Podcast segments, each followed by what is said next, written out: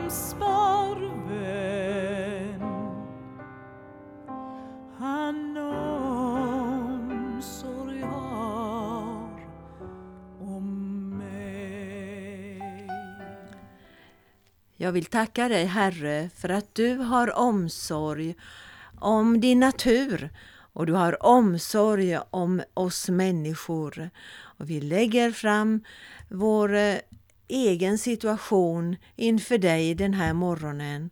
Att vi alla som lyssnar får uppleva att du har omsorg om oss, lika väl som du har omsorg om din natur och om sparven som vi hörde sången om. Amen. Ja, du ska få höra en lite, lite grann om nötveckan. Eh, vi på landet vi har ofta nötveckor som kommer fram till vårt fågelbord. En liten vacker fågel. Och en bild i min naturkalender eh, sitter en nötvecka vid sitt bo och det är Reine Jonsson som har gjort den kalendern. Och han har också gjort en bok som heter Himlanära och där har han en andaktsbok där han tar fram bilder och talar om fåglar, om naturen och det underbara verk som Gud har gjort. I psalm 63 och 8 kan vi läsa Du är min hjälp, i dina vingars skugga jublar jag.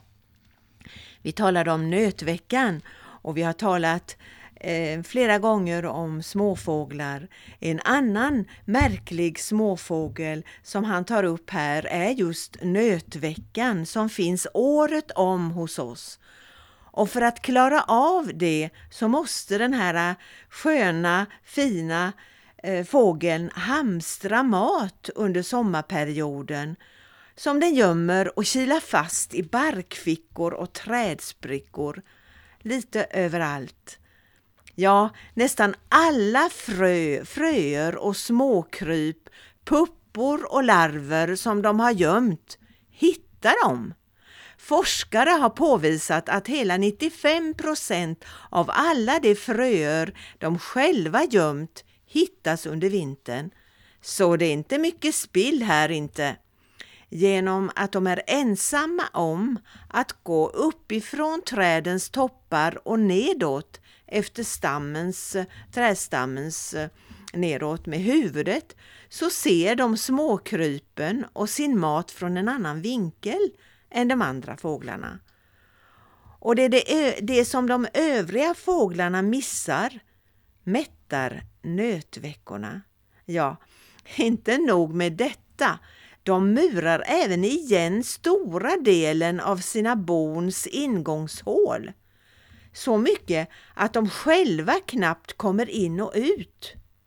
Det här är något som vi behöver tänka på. Att vårt ingångshål till våra hem inte släpper in vad som helst och vi tror att det är ofarligt. Vi ska komma tillbaka till det sedan. Ja, då vill jag gärna komplettera med eh, en eh, livsberättelse, ett eh, vittnesbörd som vi säger i kristna sammanhang. Det är Olof Edsinger som skriver i sin bok Ett liv i den heliges närhet. Där berättar han om sin egen upplevelse som utbytesstudent eh, när han var ung. Närmare bestämt när han var 16-17 år gammal. Och Det här fortsätter faktiskt på det här temat att eh, man ska vara försiktig med vad man släpper in i sitt liv. Eh, han skriver att högstadiet var för mig en tid av stora förändringar. Från att ha varit ganska tyst och tillbakadragen pojke började jag mer och mer att blomma ut som människa. Jag tog frimodigt för mig av livet och man skulle nog kunna säga att jag var en både stolt och kaxig tonåring. Eftersom jag hade saker att säga och dessutom var duktig på att uttrycka mig kom jag snart att hamna i händelsernas centrum. Jag blev helt enkelt ganska populär och jag drogs mer och mer in i den värld och de värderingar som mina icke-kristna vänner höll för självklara och sanna. En central del av mitt liv under denna period var att jag fick kontakt med delar av min personlighet som jag tidigare inte hade känt till. Ett led i detta var att jag började lyssna allt mer på musik. Under flera år lyssnade jag mer eller mindre maniskt på framförallt Beatles, men även på andra 60 och 70-talsband som Jimi Hendrix Experience, Led Zeppelin och Pink Floyd. Förutom att jag älskade dessa gruppers musik blev jag mer och mer fascinerad av den attityd och det budskap som de förmedlade. Till exempel tyckte jag att det var häftigt när de upptäckte eh, ja, när jag upptäckte droganspelningar i Beatles texter.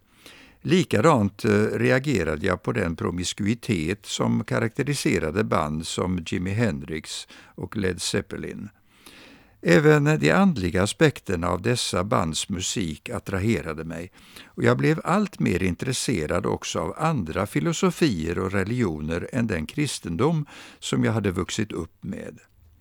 Inget av detta gjorde att jag på allvar ville lämna min kristna tro. Vad som däremot hände var att jag började tänja på mina gränser och principer. För att bli mer lik mina icke-kristna vänner började jag använda ett allt grövre språk, men eh, fortfarande utan att använda direkta svordomar. Jag gjorde också en poäng av att krydda mitt språk med sexuella anspelningar. Rent allmänt kan man säga att min strävan gick ut på att se hur långt ifrån centrum jag kunde komma utan att för den skull göra avkall på min kristna tro.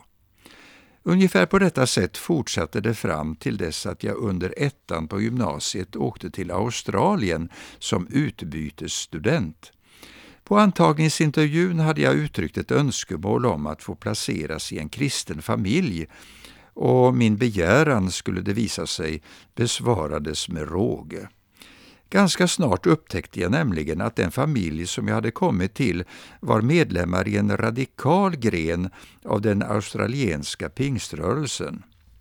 Kyrkan som de gick till hette Belmont Crusade Center och kulturkrocken när jag kom till min första gudstjänst var i det närmaste total. Men trots att så mycket i korstågscentret kändes ovant var det ett antal saker som också fascinerade mig i min nya kristna gemenskap.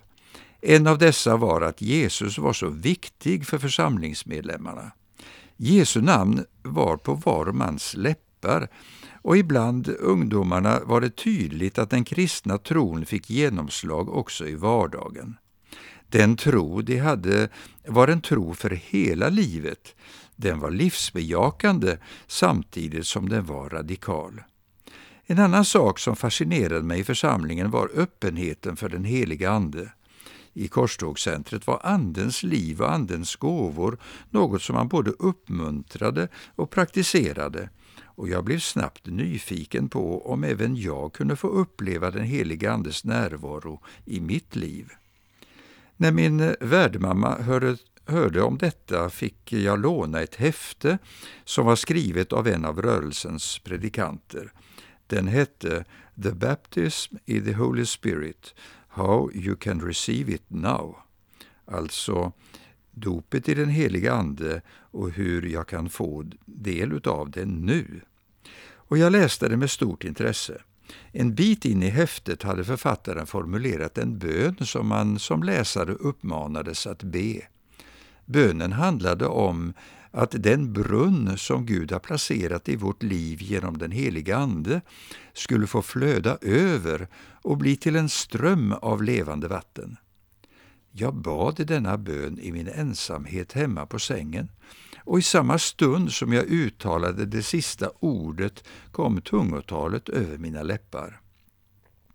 Den erfarenhet jag därmed hade gjort och som av mina vänner i församlingen kallades för Andens dop visade sig bli startskottet för en helt ny era i mitt kristna liv.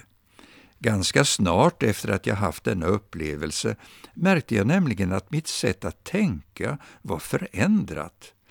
Mitt eh, tidigare sätt att leva framstod som allt mindre självklart.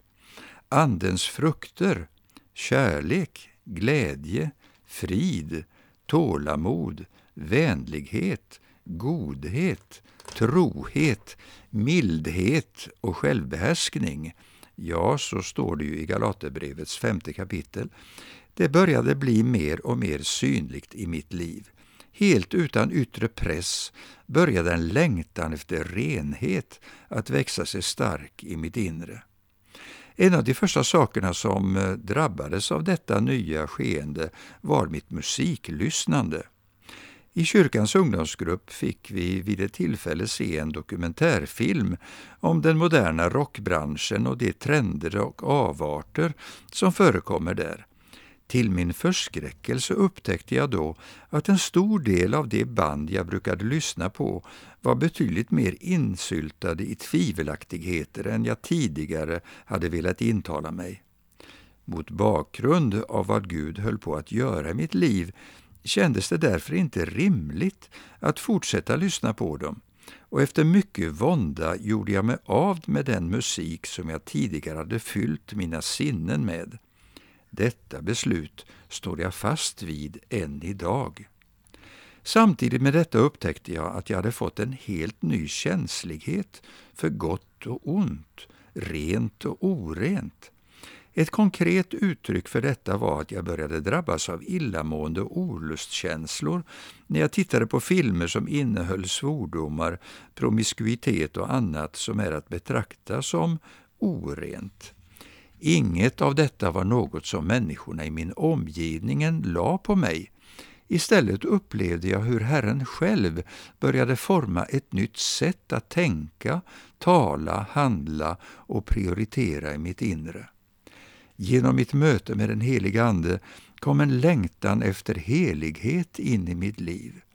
När jag senare har studerat vad Bibeln har att säga i denna fråga har jag upptäckt att det här mönstret går igen också i Guds ord. För att behaga skaparen med våra liv räcker det inte att bara putsa på den yttre fasaden. Vad vi istället behöver är en hjärttransplantation. Hur denna insikt växte fram i det gamla Israel är tema för andra kapitel i den här boken. Ja, det här var Olof Edsingers egen upplevelse av ett sånt här riktigt radikalt gudsmöte kan vi säga. Och i bokhörnan här i Kristen Radio. Du kan titta på programtablån. Då ser du när uppläsningen sker utav fortsättningen av Olof Edsingers bok. Kom in i Guds solsken med Evi. Ja, låt Guds solsken få lysa på dig. Vi lyssnar.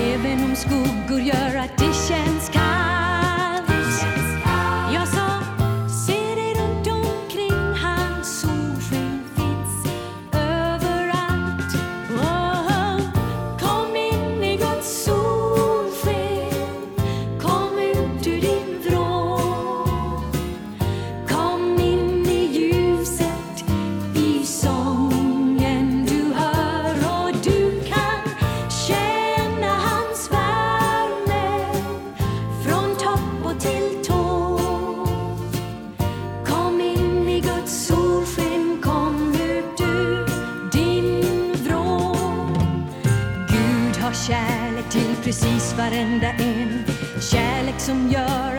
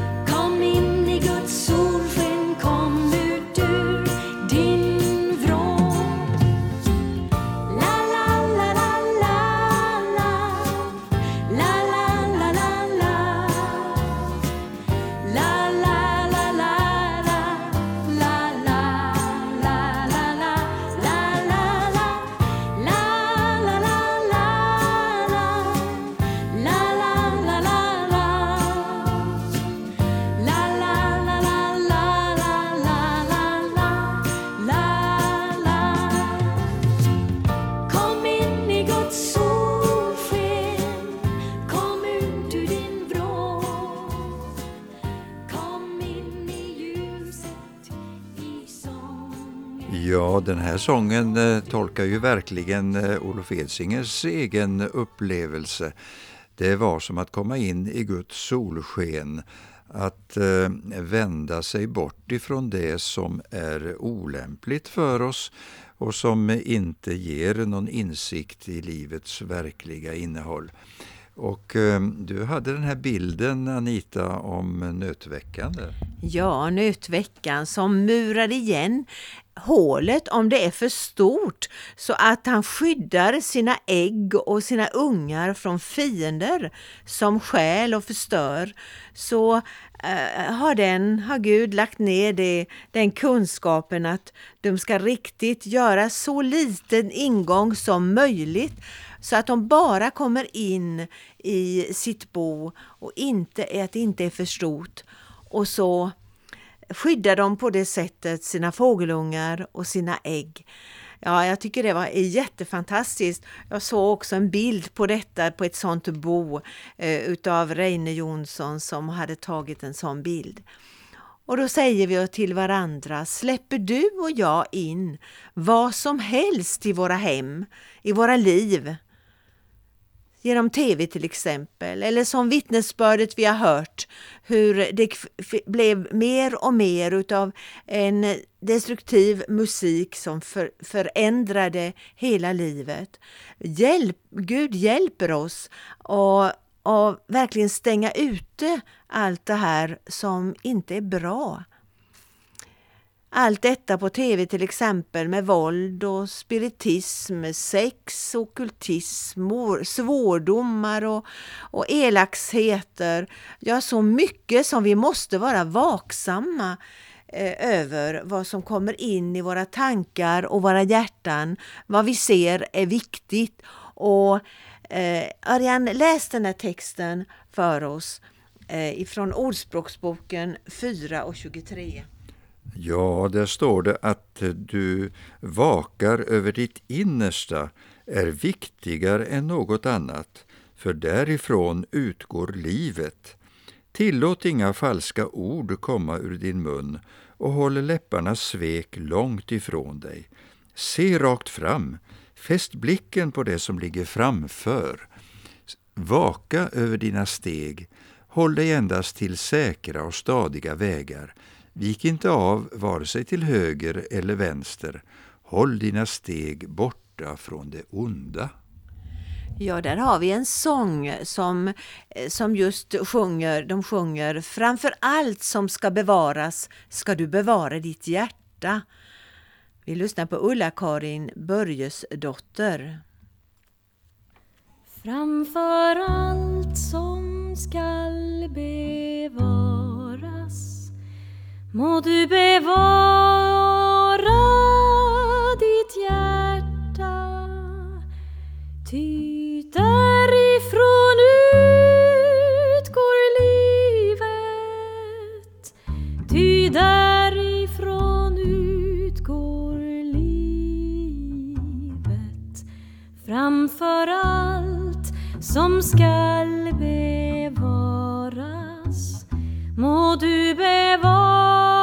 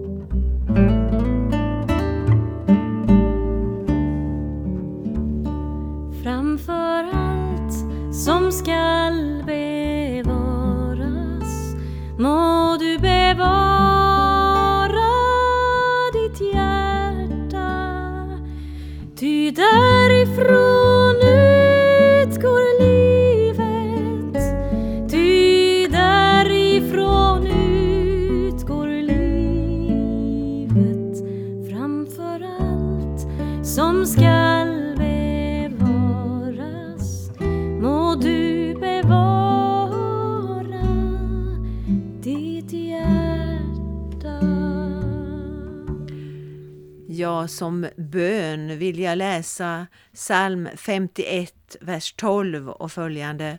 Skapa i mig, Gud, ett rent hjärta och ge mig på nytt en frimodigt sinne.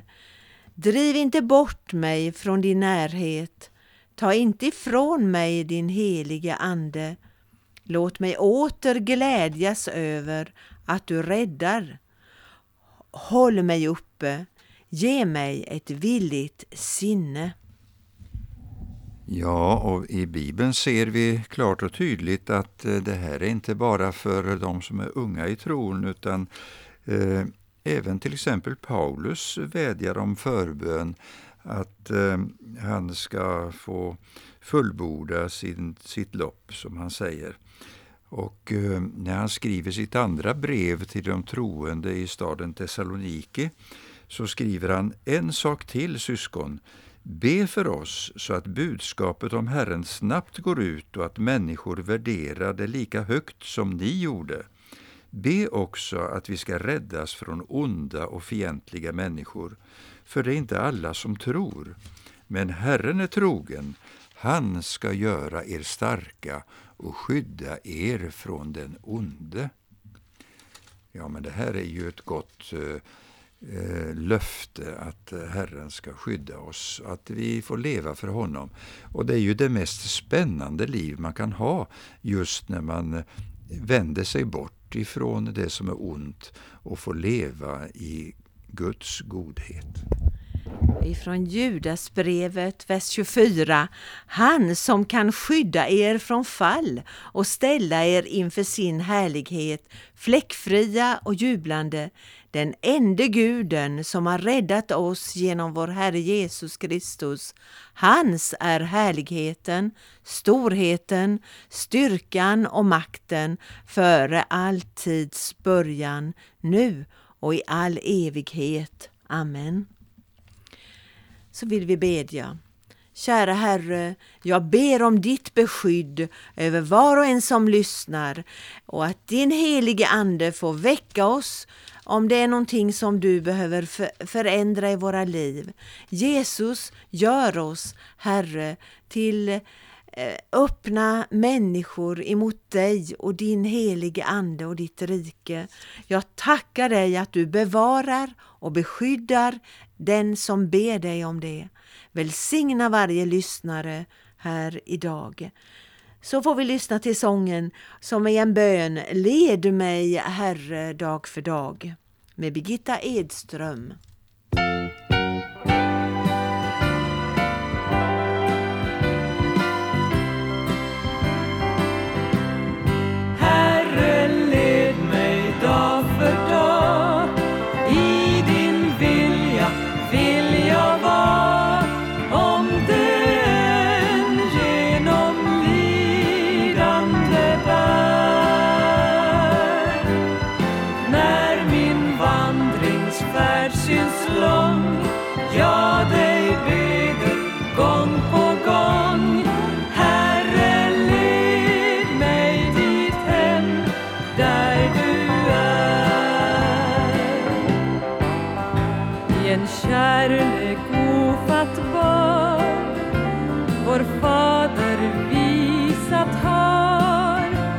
Att ett offer syntes allt för stort.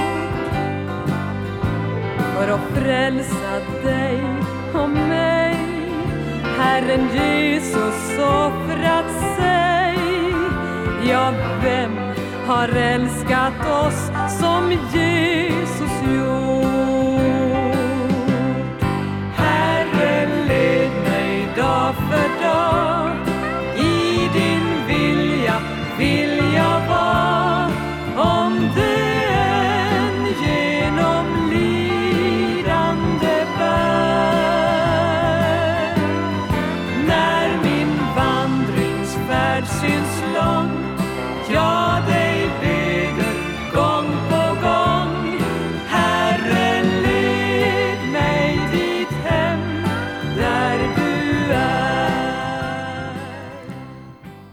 Ja, den här bönen kanske du har bett nu i ditt hjärta.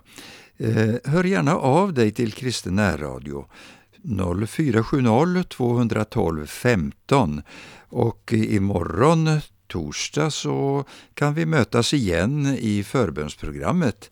Eh, ring gärna in, det finns en telefonsvarare där som tar emot ditt samtal. Och eh, du kan få ringa in direkt under sändningen från klockan 20 imorgon torsdag.